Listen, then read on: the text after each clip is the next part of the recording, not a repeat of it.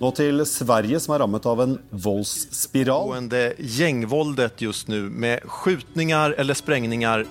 Nesten hver eneste dag hører man om nye drap, skytinger og eksplosjoner i Sverige. Sju personer har skutt i hjel i Stockholm og Uppsala de seneste to ukene. Det har vært dødelige skyteepisoder i Setra, som ligger i Stockholm, i Vesterås igjen og i Helsingborg. Og september har blitt den verste måneden for skytedrap på flere år. Nå foreslår den svenske regjeringen å sette inn Forsvaret for å få mer kontroll på gjengvolden. Nå rammes alt flere barn og helt uskyldige mennesker av det grove voldet. Jeg kan ikke nok understreke hvor alvorlig leget er. Sverige har aldri før sett noe lignende. Inget annet land i Europa ser noe lignende. Du hører på Forklart fra Aftenposten, en podkast der jeg forklarer én nyhet i hver episode. I dag om hvordan Sverige har havna her. Det er mandag 2. oktober, og jeg heter Jenny Føland.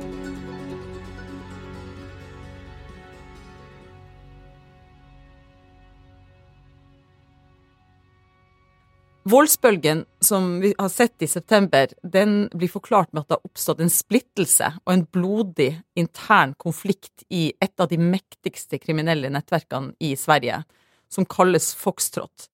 Og denne konflikten den går da mellom lederskikkelser i nettverket, og det skaper fullstendig kaos. Ingeborg Mo er utenriksjournalist her i Aftenposten. Hun har jobbet mye med Norden og har fulgt gjengvolden i Sverige over en god stund nå. Og Ingeborg, hva er egentlig Foxtrot? Foxtrot det er navnet politiet bruker på et kriminelt nettverk som ledes av en mann som heter Rava Majid, og som kommer fra Uppsala. Han går også under kallenavnet Den kurdiske reven. Og han gjemmer seg i utlandet, men politiet mener han i flere år har bestilt og betalt for at uh, folk i Sverige, da, gjerne unggutter, uh, utfører kriminelle handlinger. Både narkosmugling og drap. Og uh, så vet vi da at det har skjedd en splittelse innad i dette nettverket. På den ene siden står da den kurdiske reven, og på den andre sida står visstnok en mann som går under navnet Jordgubben. Ja, så det som foregår nå i Sverige, er en intern konflikt i samme gjeng, liksom? Ja, det er mye som tyder på det, men siden Foxtrot også er involvert med andre kriminelle nettverk, altså de har alliert seg med andre kriminelle nettverk, så vet vi jo ikke sikkert hvem som nå er alliert med hvem, og vi vet heller ikke hva som kommer til å skje med Foxtrot etter denne splittelsen. Nesten daglig så kommer det jo meldinger om skytinger og eksplosjoner og drap i Sverige. Men hvem er egentlig de som er involvert? Vi vet at svært mange av de involverte, kanskje rundt halvparten, er under 18 år. Og vi ser også at uh, de blir yngre og yngre. Noen av dem som har blitt drept den siste måneden, har jo vært helt ned i 13 år. Og vi ser også at gjerningspersonene er yngre og yngre. Noen av dem er kanskje 15 år. I forrige uke så sa rikspolitisjefen på en pressekonferanse at barn ber om å få drapsoppdrag. Og det viser jo hvor ekstrem utviklingen i Sverige er blitt. Svensk politi har kartlagt antall skytinger og eksplosjoner i sammenheng med gjengkriminaliteten så langt i år, og den oversikten viser rekordmange eksplosjoner, over 260 skytinger, hvor 34 mennesker er blitt drept.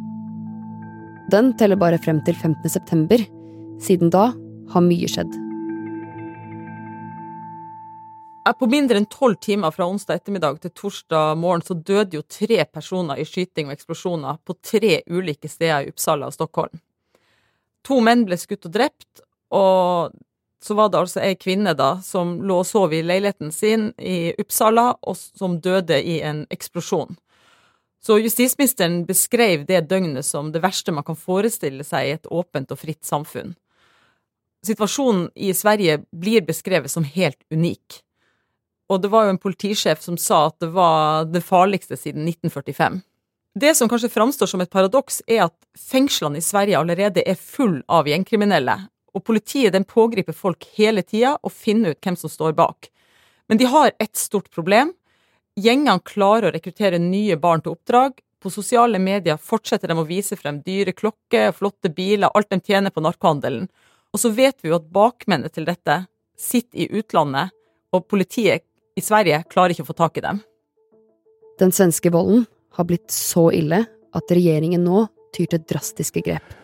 Jeg har i morgen kallat til meg rikspolischefen og överbefälhavaren for å se hvordan Försvarsmakten kan hjelpe polisen i arbeidet mot de kriminelle gjengen. Men vil det være nok?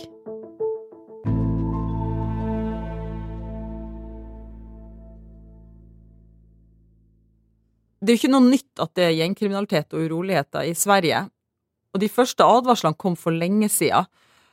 Alt i 2005 så advarte politiet mot at gjenger i forstedene hadde veldig mange unge medlemmer, og tre år senere så ble ei gruppe i politiet satt ned for å foreslå tiltak for å hindre rekruttering til kriminalitet. De så at det var mange ungdommer i fri flyt. Og mange av de tiltakene som ble foreslått da, gikk jo på forebyggende arbeid retta mot særlig unge gutter, da, i det man kaller særskilt utsatte områder, der veldig mange har innvandrerbakgrunn. Og så ser man at mye av det de snakka om den gangen, det foreslår man også i dag. Men ifølge politiet som foreslo dette, så skjedde det lite med de forslagene. Også nyhetsmeldingene gjennom åra har ligna på dem vi ser i dag. For alvorlig kriminalitet i Sverige er ikke akkurat noe nytt. Det her er 2012. I Dagsrevyen der vi først skal til Malmö, som de siste døgnene har opplevd drap og bombeattentat mot en politistasjon. Og 2014. Svensk politi vet fortsatt ikke hvorfor et trettitall maskerte ungdommer satte fyr på biler og kastet steiner og brannbomber mot politiet i forstaden Hagse. Og dette er 2015. Sverige er rysta etter det blodige angrepet i Göteborg i går kveld. To menn væpna med automatgevær storma inn på en restaurant og skjøt rundt seg. Men det er ett spesielt drap i 2021 som fikk veldig mange til å rette blikket mot Sverige. Rapparen Einar har skjutits til døds i Hammarby. Ännu gripits misstänkt efter dödsskjutningen på rapparen Einar i Hammarby sjöstad i Stockholm sent igår kväll. Nils Grönberg, som har artistnamnet, eller hadde artistnavnet Einar, var en av Sveriges mest populære i sin sjanger. Det er flere ting som har endra seg gjennom årene, men vi ser jo nå at gjerningspersonene og ofrene er yngre, volden er grovere, narkokriminaliteten er blitt storindustri, det er flere personer som er helt uskyldige tredjepersoner som blir offer, og nye grenser blir kryssa. At man angriper slektninger til gjengkriminelle, det er nytt. Før helga så sa politiet at de eh, har 150 adresser bare i Stockholmsområdet de, der de frykter at det skal skje angrep. Dette er steder der det enten bor gjengkriminelle eller slektninger og venner av dem. Men hva er det politiet har gjort, da? Politiet har eh, gjort mye de siste årene, og de har jo blitt mange flere. Det brukes jo mye mer ressurser på politiet. Og de har gjort et stort gjennombrudd for noen år siden der de fikk tilgang på kommunikasjonen til de kriminelle og kunne få tatt folk som de ellers aldri ville få dømt. Men det har oppstått et maktvakuum, og nye personer har kommet til miljøet. Eh, I tillegg så vet vi jo at politiet gjerne skulle ønske at de hadde enda flere virkemidler for å få tatt uh, de som står bak gjengkriminaliteten. Ja, og hva, hva, slags ting er det? Hva er det de vil gjøre for å få kontroll, som de ikke har fått til nå? Ja, fra i går av så kan politiet drive med hemmelig avlytting for å forebygge kriminalitet. Og så ønsker regjeringa å kopiere mye av det Danmark har gjort i kampen mot gjengkriminalitet. Det er tiltak som var helt utenkelig i Sverige for noen år siden. De vil gjøre det mulig å ha anonyme vitner i rettssaker, fordi det er vanskelig å få folk til å vitne. Men samtidig så sier jo politiet at dette er ikke nok, for det store problemet for politiet, det er å stoppe nyrekrutteringa til gjengen. Eh, de sier at det kommer tre nye hver dag, og det er mer enn det de klarer å stoppe. Gjengvolden er også blitt en stor sak for svenske politikere. Torsdag forrige uke gikk opposisjonslederen Magdalena Andersson ut og ba om at Forsvaret skulle settes inn. Allerede samme kveld svarte statsminister Ulf Kristersson, og før helgen ble det bestemt at Forsvaret skal hjelpe politiet med situasjonen. På samma sätt som rikspolischefen ofta och med rätta brukar säga att polisen kan inte göra allt jobbet själva mot kriminaliteten, utan andra resurser måste hjälpa till. Men Ingeborg, hva skal Forsvaret egentlig gjøre med det her? Dette er jo en politioppgave, og man er veldig opptatt av forskjellen mellom sivile og militære oppgaver i et land, så det er litt kontroversielt å sette inn Forsvaret. Men det som skjer nå, blir sammenligna med terror eh, av politisjefen sjøl, og man har erfaring med at Forsvaret kan settes inn da, f.eks. til vakthold og logistikk, i slike situasjoner. For saken er jo at politiet sliter med å få ressursene til å strekke til når det skjer så mange ting samtidig. Så de trenger hjelp. Og så er det jo ikke meninga at Forsvaret skal gå inn og etterforske og pågripe folk, men det sier jo noe om alvoret i situasjonen. Og nå kommer offentlig kritikk av hvordan gjengkriminaliteten har blitt håndtert. I en debatt på SVT sier Karin Gjøtblad, politimester i Stockholm, at de allerede i 2010 kom med en rekke forslag for å forhindre rekruttering til gjengene.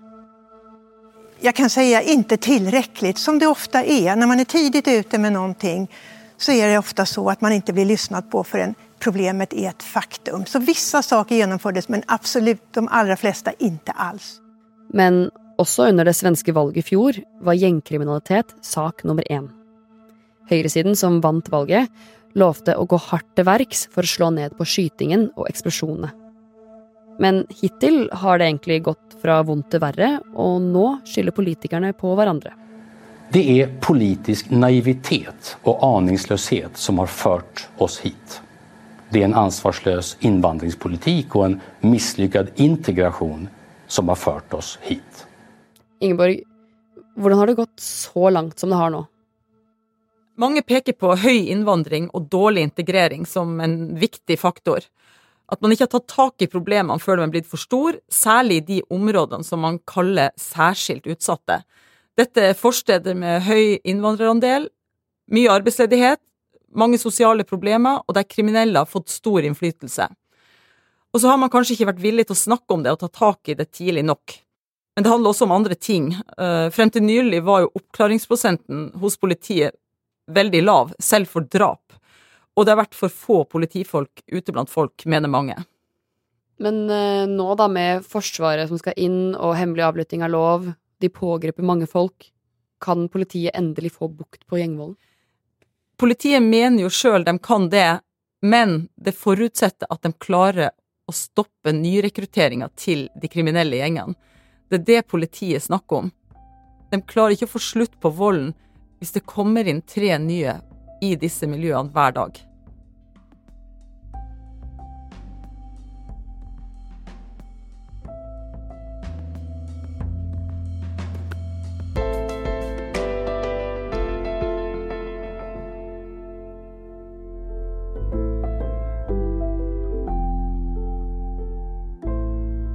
Du har hørt en podkast fra Aftenposten. Det var Ingeborg Mo som forklarte deg hvordan Sverige har havnet i den situasjonen de er i i dag. Du har hørt lyd fra NRK, SVT, den svenske regjeringen og Aftonbladet. Denne episoden er laget av Anders Weberg, David Bekoni, Olav Eggesvik og meg, Jenny Føland. Resten av Forklart er Synne Søhol. Du har sett blikket hans. Selvsikkerheten og hvordan han kledd i denne grønne T-skjorta si, når oss med enkle budskap fra krigen i Ukraina. Vlodomyr Zelenskyj. Han vinner jo hjertene våre. Hvordan gjør Zelenskyj det? Og kan det hende at vi lar oss blende og går glipp av deler av sannheten? Ny episode av Dypdykk kommer onsdag 4. oktober, og du finner den hos Aftenposten eller Podme.